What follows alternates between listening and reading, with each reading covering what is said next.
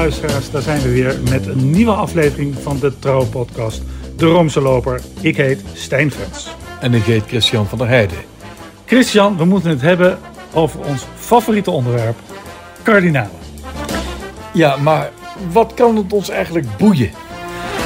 Kardinalen kunnen ons boeien omdat zij één uniek recht hebben in de katholieke kerk, in de Rooms-Katholieke kerk. Namelijk, zij mogen een paus kiezen. En ja, de, het conclaaf, de pausverkiezing, dat is iets geweldigs voor ons, journalisten die zich bezighouden met de katholieke kerk. Kijk, als je, als je sportjournalist bent, weet je dat elke vier jaar zijn de Olympische Spelen. Wij weten nooit wanneer dit komt. En wij weten ook dat als het komt, zo'n conclaaf, is de hele blik van de wereld op Rome gericht. Op dat schoorsteintje, op die Sixtijnse kapel, waar die kardinalen als enige naar binnen mogen om een nieuwe paus te kiezen. Dat mogen ze, dat mogen ze al bijna 1200 jaar. Dat is een gigantisch spektakel. En de uitkomst daarvan, die nieuwe paus, is zo bepalend voor de toekomst van de katholieke kerk. Ja, en daar heb je kardinalen voor nodig. En dan is het belangrijk als de paus zo eens in zoveel tijd, eens in de twee jaar, nieuwe kardinalen creëert. Ja, het is wel goed dat je dit vergelijkt met sportjournalistiek. Het heeft ook bij ons een hoog ludiek gehalte, wat laten we eerlijk zijn. Of je nou kardinaal bent of niet, dat maakt voor, ehm, voor de geschiedenis niet, niet meer zoveel uit. Deze paus die zegt altijd: uh, iemand die kardinaal wordt benoemd, maakt geen promotie. Terwijl het dat eigenlijk wel een beetje is. Maar hij zegt: nee, het is geen promotie. Ja, wat is het dan wel? Het is toch een bepaalde eer. En als je dus inderdaad 80 jaar bent of jonger bij het vakant worden van de zetel van Rome, dan ben je gerechtigd deel te nemen aan een pausverkiezing die nog steeds plaatsvindt binnen de uh, constitutie van een uh, conclaaf. Ja. Maar dat hoeft allemaal niet. En dat vind ik nou juist zo aardig. Het lijkt net alsof het een, een wet van meten en persen is. Vroeger dacht ik altijd dat het een wet van meten en persen was. maar je kunt het kardinalaat ook gewoon afschaffen. Nou, zullen we dat... Straffeloos. Nou, je kunt de conclaaf Christian, afschaffen. Rustig, rustig.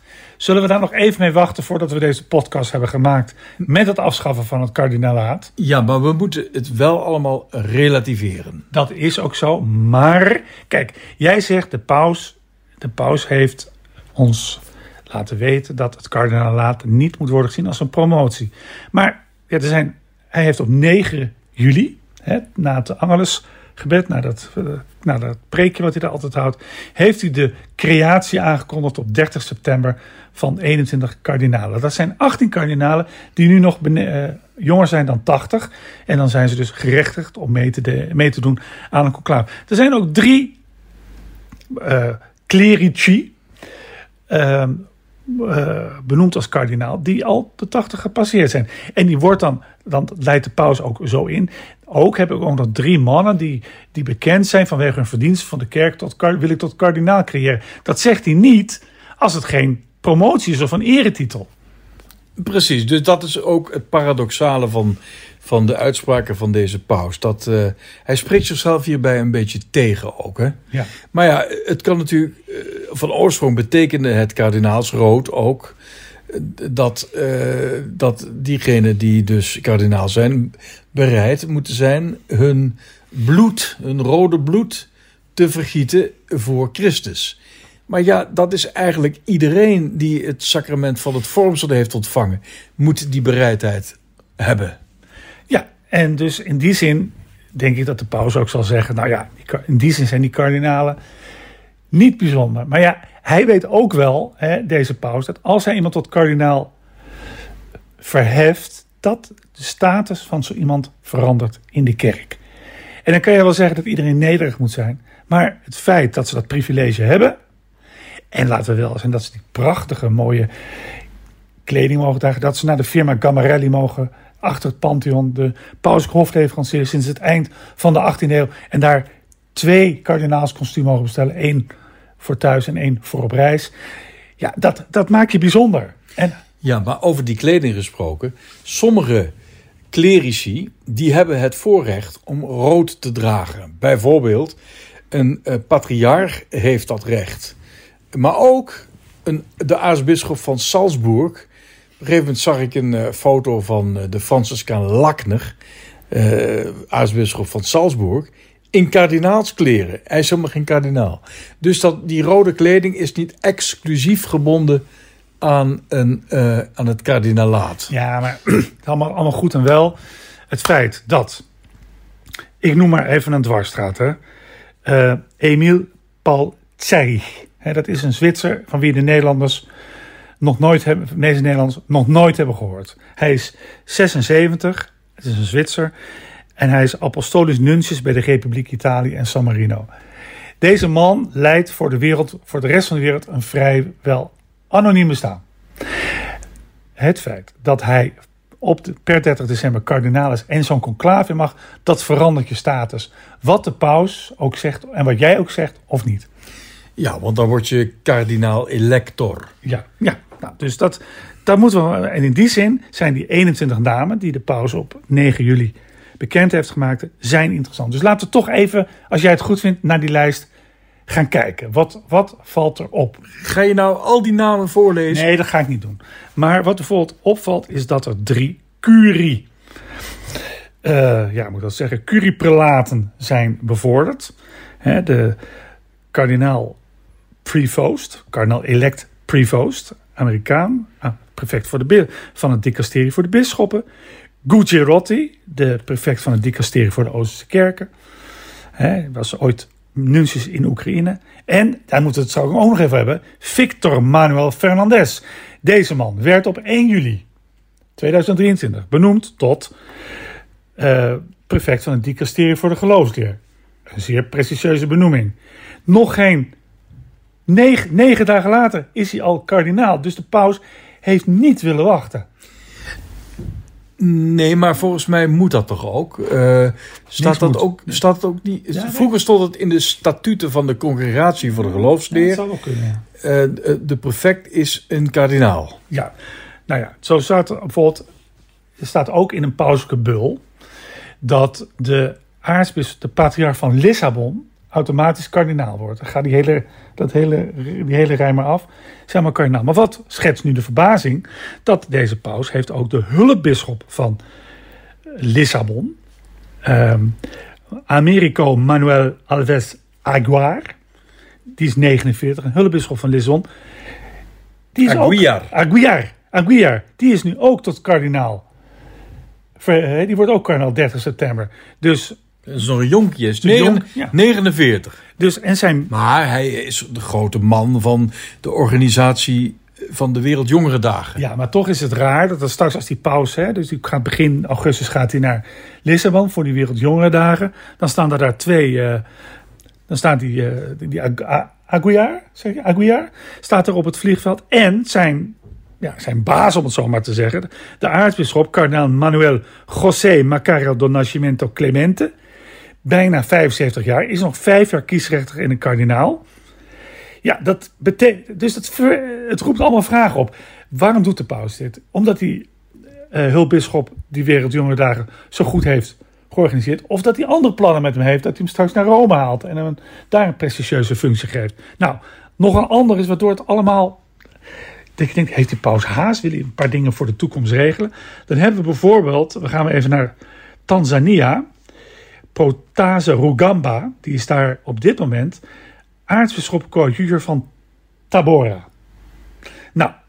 Wat is een aartsbisschop coadjutor? Dat is een, uh, dat is, dat is een coadjutor is eigenlijk met recht van opvolging. Dus hij staat nu nog in de wacht. Dus, dus een hulpbisschop met recht van, met opvolging. recht van opvolging. Ja, dus op het moment dat zijn, uh, dat de, aard, de daadwerkelijke aartsbisschop van uh, Tabora, dat die ermee ophoudt, dan wordt hij automatisch nieuwe aartsbisschop. Nou, ja. Um, dus die, die, die man, die uh, Rugamba, 63 trouwens, die is op dit moment nog coadjutor, maar die, moet dus, die is nog niet eens de echte aartsbisschop van Tabora. En zeker niet de belangrijkste van Tanzania. Nee. Dus um, ja, er zitten een aantal. Kijk, deze paus heeft zoiets van. Uh, in het verleden behaalde resultaten geven geen recht, hè, we garanderen niks voor de toekomst. Maar het lijkt nu wel, het, kan, het, is lijkt wel of bij elke elk consistorie uh, de verrassingen groter worden. Hè? Je kunt ook gaan kijken bij deze 21 mannen. Hè? 18 zouden kunnen meedoen aan een conclaaf. Ja, wie zit er allemaal niet bij? Wie mogen er niet komen op het feestje? Nou, bijvoorbeeld, noem maar nou eens uh, José Gomez, de aartsbisschop van Los Angeles. Al twaalf jaar wachtend op die kardinaalshoed. Hè? Los Angeles, een van de grootste bisdom van Amerika. We hebben het niet over, uh, over zomaar een bisdom. Moet wachten. Berlijn, Parijs. Nou, neem alle Italiaanse biszetels. Die, die, die daar in het verleden gewoon ja, bijna recht op hadden. Milaan. Milaan, Delpini. Heeft zo, die, die deed de begrafenis van uh, de uitvaart van Berlusconi. Maar ook Milaan, Palermo, Turijn. Uh, Venetië. Venetië. Patriarch. Hè? Ja. Dus ja, um, eigenlijk kun je zeggen dat Hè, men heeft het dan volgens de traditie. Hè, deze paus gaat tegen de traditie in, maar hij heeft inmiddels in tien jaar pontificaat zijn eigen traditie geschapen. Waardoor als er straks een nieuwe paus is en die besluit bijvoorbeeld de patriarch van Venetië wel tot kardinaal te verheffen, dan kun je zeggen, je gaat die weer in tegen de traditie. Het is, uh, uh, niks staat meer vast, alles is mogelijk. En uh, dit is echt elke keer weer een groot feest. Het is ook het gebruik dat de nieuwe paus gekozen wordt door de kieskardinalen. En dat ze dan een collega-kieskardinaal kiezen als nieuwe paus. Ja. Zit er nou iemand tussen van wie jij zegt, nou dat zou nou een, een, een geweldige kandidaat zijn. Die is echt papabile. Nou ja, kijk, als we nou eens gaan kijken naar het rijke Amerikaan dat schijnt politiek gevoelig te liggen. Ja, waarom is dat eigenlijk? Ja, vanwege de positie van Amerika in de wereld. Zeker nu bijvoorbeeld in dat, nu er gewoon een oorlog op het Europees continent gaande is. Nou ja, dat, zou, dat, ligt, dat ligt gevoelig. Waardoor Amerikanen nooit echt kans hebben gemaakt tot nu toe. Dan hebben we een Argentijn. Nou, ik denk dat nog een Argentijn. Er zitten twee Jezuïeten bij. Nog een Jezuïet. Nou, dus die vallen eigenlijk ook al af. Ja, noem er eens één op. Nou, bijvoorbeeld de, ja, de bisschop van Hongkong. Ciao. Ja, de vraag is, kijk, ik, ik denk wel eens, maar ik, ik heb het altijd mis. Um, als je nou naar het profiel van een nieuwe paus gaat kijken, dan is bijvoorbeeld die leidende kerk in Azië, hè, of de, de leidende kerk in Afrika, dan zou wel eens zo'n kardinaal uit, dat, uit zo'n omgeving ja, misschien wel een goede paus. Dan is die Chow wel een goede. Maar weer een Jezuïet lijkt me sterk. Ja, maar hij, eh, over Aziaten gesproken, hij heeft ook uh, aartsbisschop, nee, bisschop, is nou een aartsbisschop of een bisschop? Volgens mij Francis van Penang ja. in Maleisië tot kardinaal benoemd. Uh, ik geloof dat er nog geen 60.000 katholieken wonen in dat bisdom. Ja. Lijkt me geen pausmateriaal. Nee. Nou, dan hebben we dus de, wat ook heel opvallend is. Er zijn twee, twee apostolisch nunci uh, staan op de lijst. Dat is de, de aartsbisschop Pierre. Dat is de aartsbisschop, dat is de, de nuntius in Washington. Die man die natuurlijk enorm veel te stellen heeft met die Amerikaanse kerk.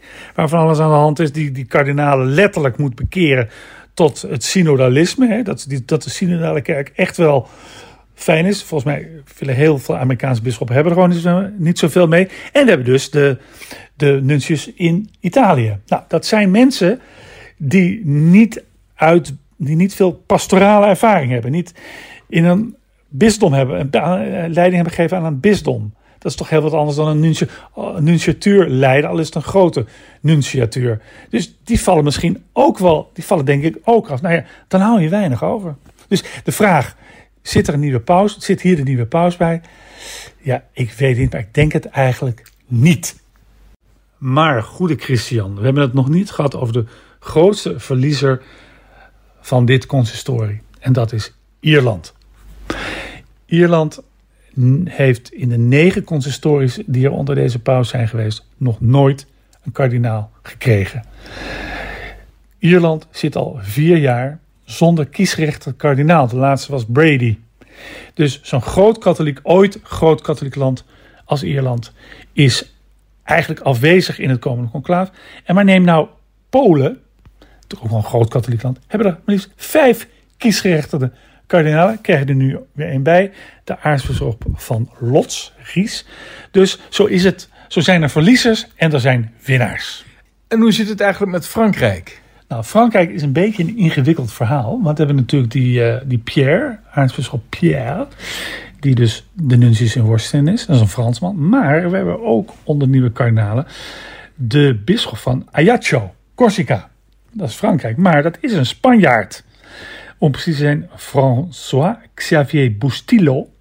Een conventueel. Dus ook uit de Franciscaanse familie. Nou, die man maakt ook een bliksemcarrière. Hij, is, uh, hij was kandidaat voor Parijs. Maar, hè, dus de aartsbisschop van Parijs, hij zei: Laat mij maar hier, want ik ben hier nog niet zo lang bisschop. Hij is bisschop sinds 2021.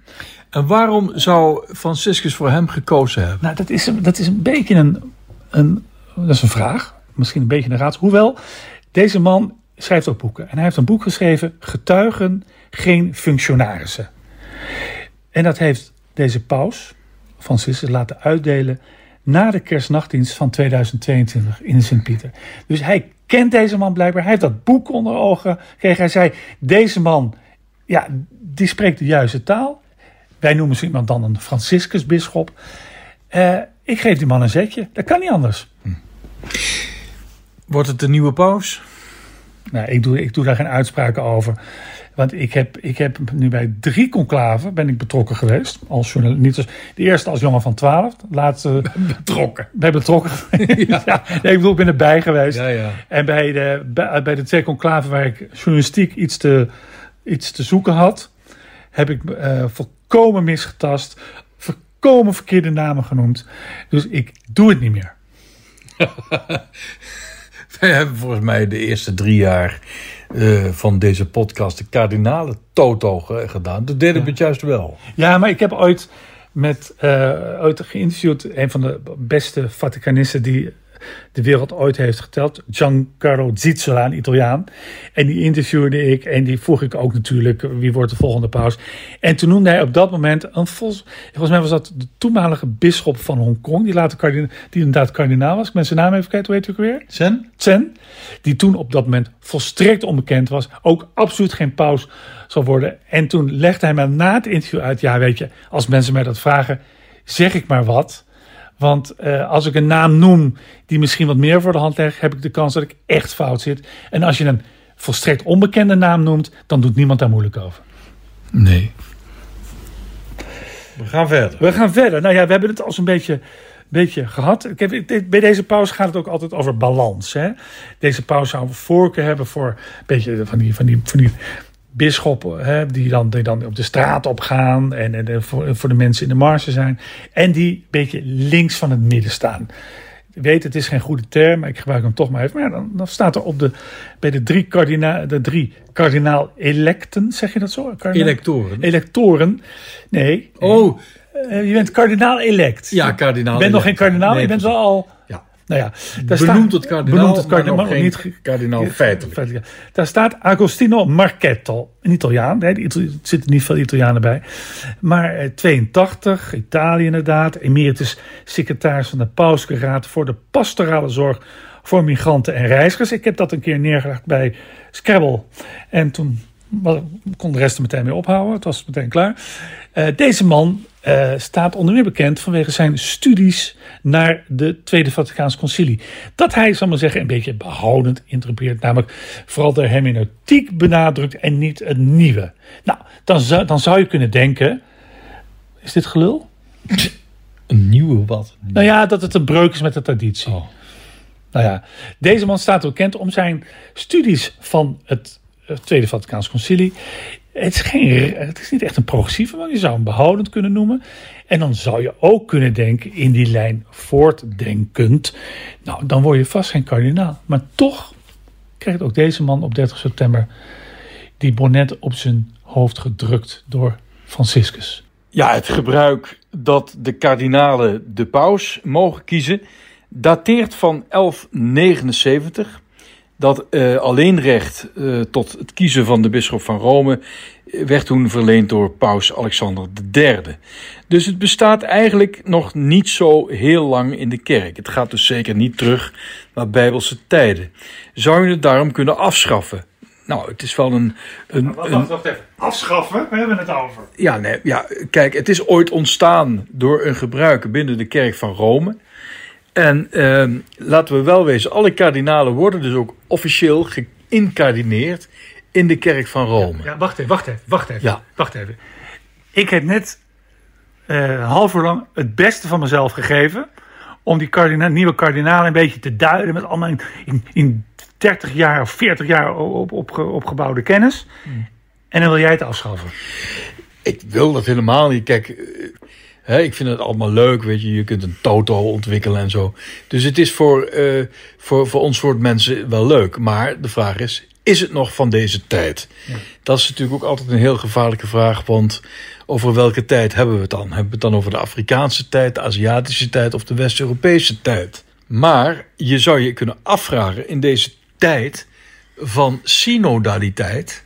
Ja. Hè, want Paus Franciscus heeft dat toch ingevoerd, die term. Hij wil dat de katholieke kerk synodaler wordt. Eigenlijk wil hij dat de katholieke kerk wat dat betreft meer gaat lijken op de, de Oriëntaalse kerken, de Oost-orthodoxe kerken, waar de heilige synode, dus een vergadering van bisschoppen, het hoogste gezag bekleden van de kerk. En niet de patriarch of een metropoliet, nee, een groep van bisschoppen. Die vertegenwoordigen het hoogste gezag binnen een kerk. De vraag is of de paus dan ook zo ver wil gaan er bestaat al zoiets als de bisschoppensynode, een permanent orgaan uh, toegevoegd aan het, uh, aan het Petrusambt. Uh, maar tot nu toe heeft die, dat orgaan, bisschoppensynode, nog steeds een adviserende functie. En niet zozeer een, een, een besturende functie. Ja. Of een beslissende functie. Maar je zou je kunnen afvragen, misschien gaat dat wel een keer gebeuren. En Misschien zou het ook zomaar kunnen gebeuren dat het hele uh, voorrecht, het privilege van, van kardinalen uh, tot het kiezen van een nieuwe bisschop van Rome, dat ook een keer gaat verdwijnen, om het dus meer aan te passen aan de, aan de eisen van synodaliteit. En dan zou het zomaar kunnen dat het Alexandrijnse model wordt gekozen. Ik, ik, had vijf minuten geleden zit ik nog kardinalen te duiden en te wegen met al, met al mijn kennis en, en subtiel. En we zijn inmiddels aangeland bij het Alexandrijnse, het Alexandrijnse, zeg ik, principe. Waarom schreeuw je zo? Omdat ik boos ben. Ja. Nou kijk, en hoe wordt de paus van Alexandrië gekozen? He, dus de, de, de patriarch van uh, Alexandrië, dus, en dan de koptische uh, paus. Die man heet ook paus. Dat gebeurt door uh, een heel bijzonder proces. Niet alleen de bisschoppen bepalen dat, maar ook de, uh, uh, de clerici en een ander huis, een vergadering van de leken. Nou, zou dat niet mooi zijn?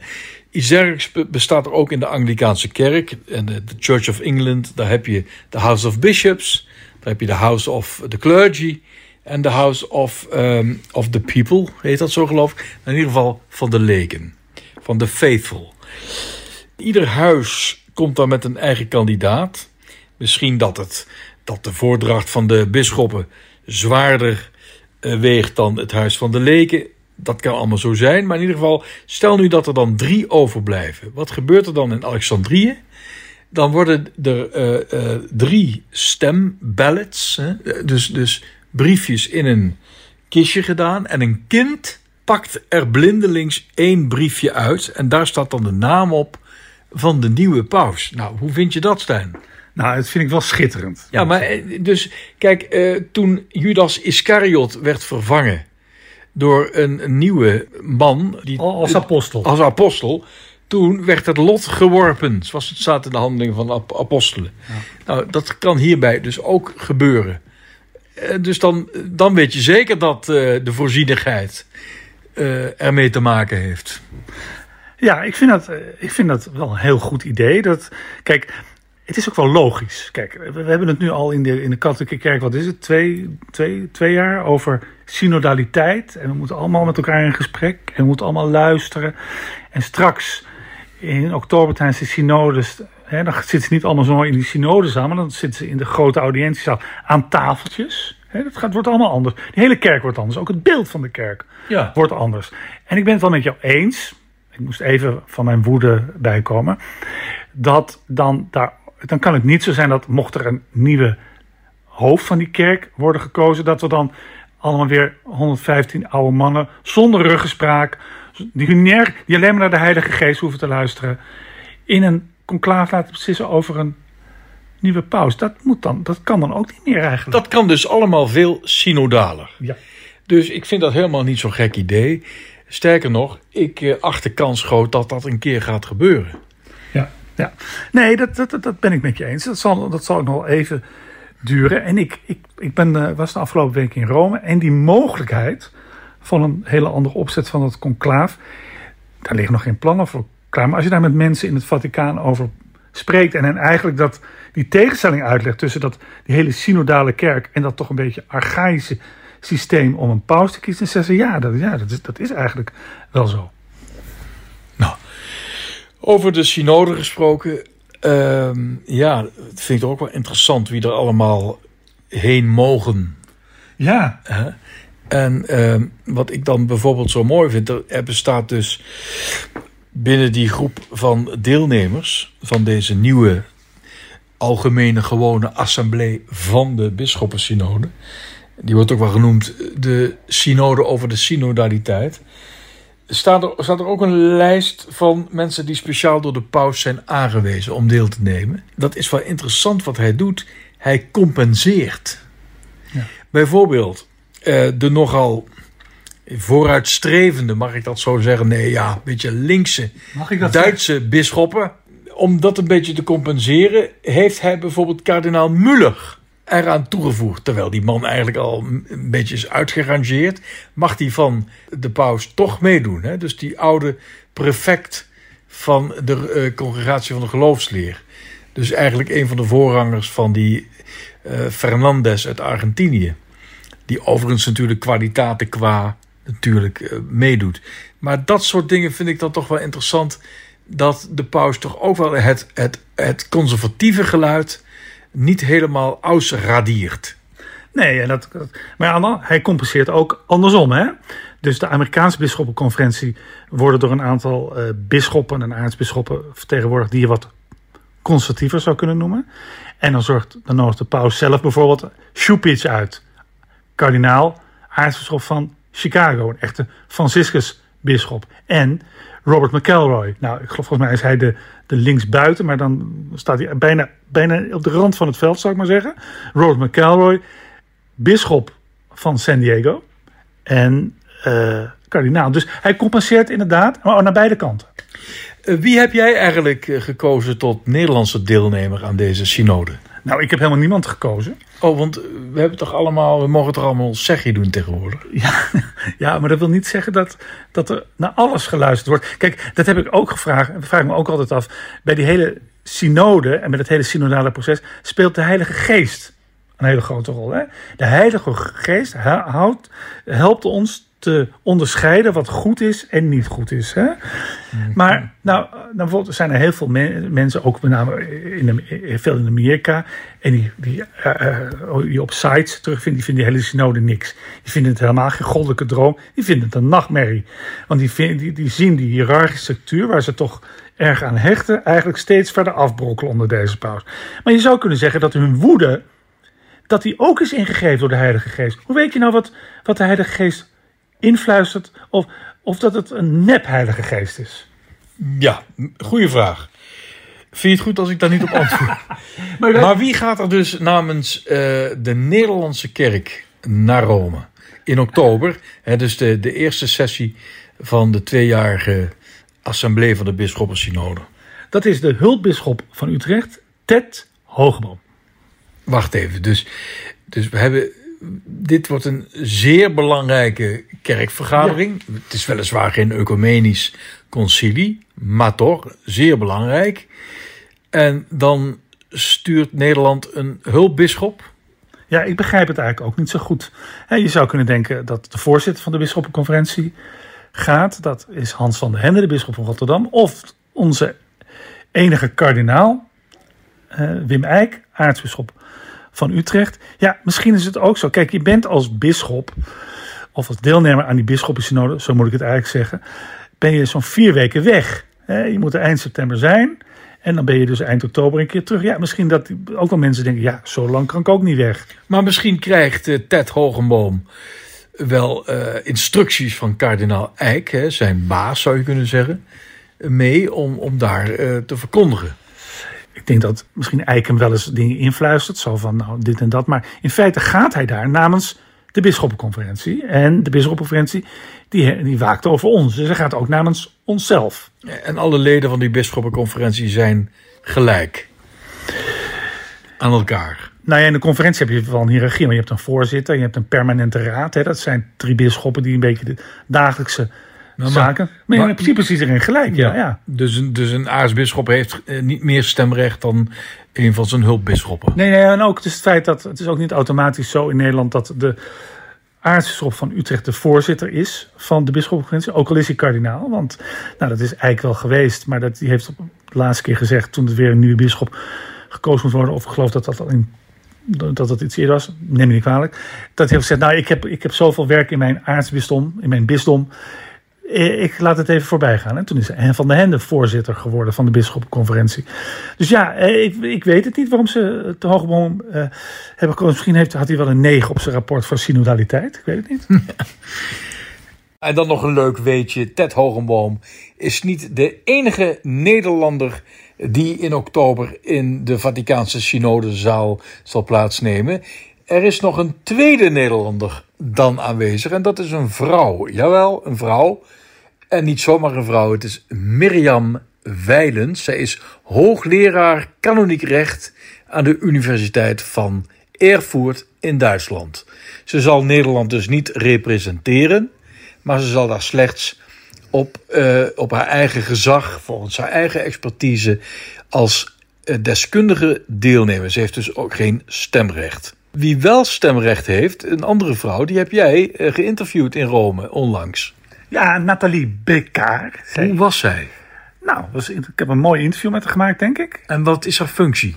Volgens mij is zij sotto-secretario, dus ondersecretaris van het secretariaat van de synode. En dan heeft ze toch stemrecht?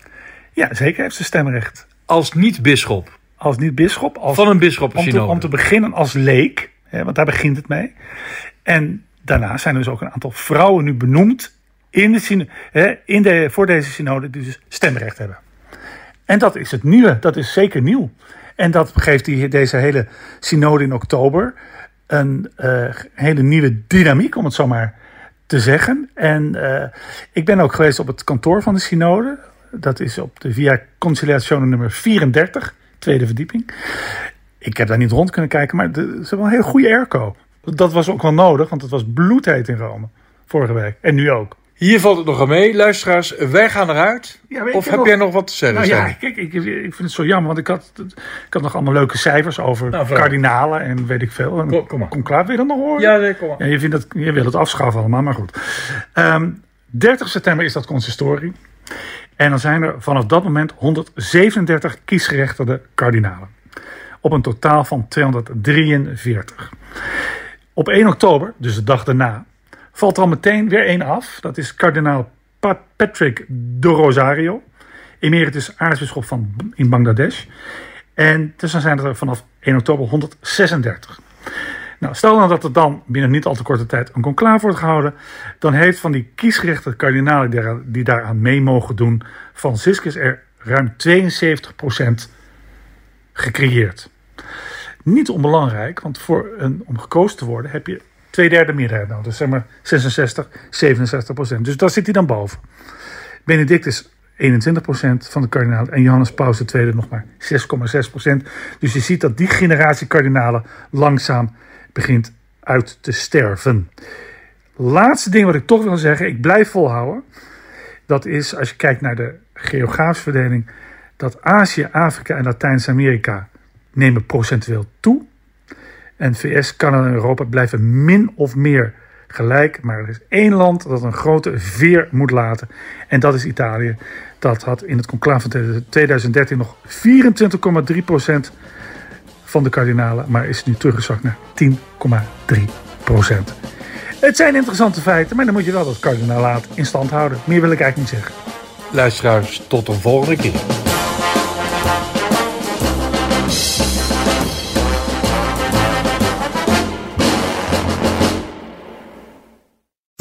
We worden dagelijks overladen met overbodige informatie. En het is moeilijk de zin van de onzin te scheiden. Daarom vertrouw ik op echte journalisten in plaats van meningen. Een krantenmens heeft het gemakkelijk. Word ook een krantenmens en lees je favoriete krant nu tot al zes weken gratis. Ga snel naar krant.nl. Bezorging stopt automatisch en op deze actie zijn actievoorwaarden van toepassing.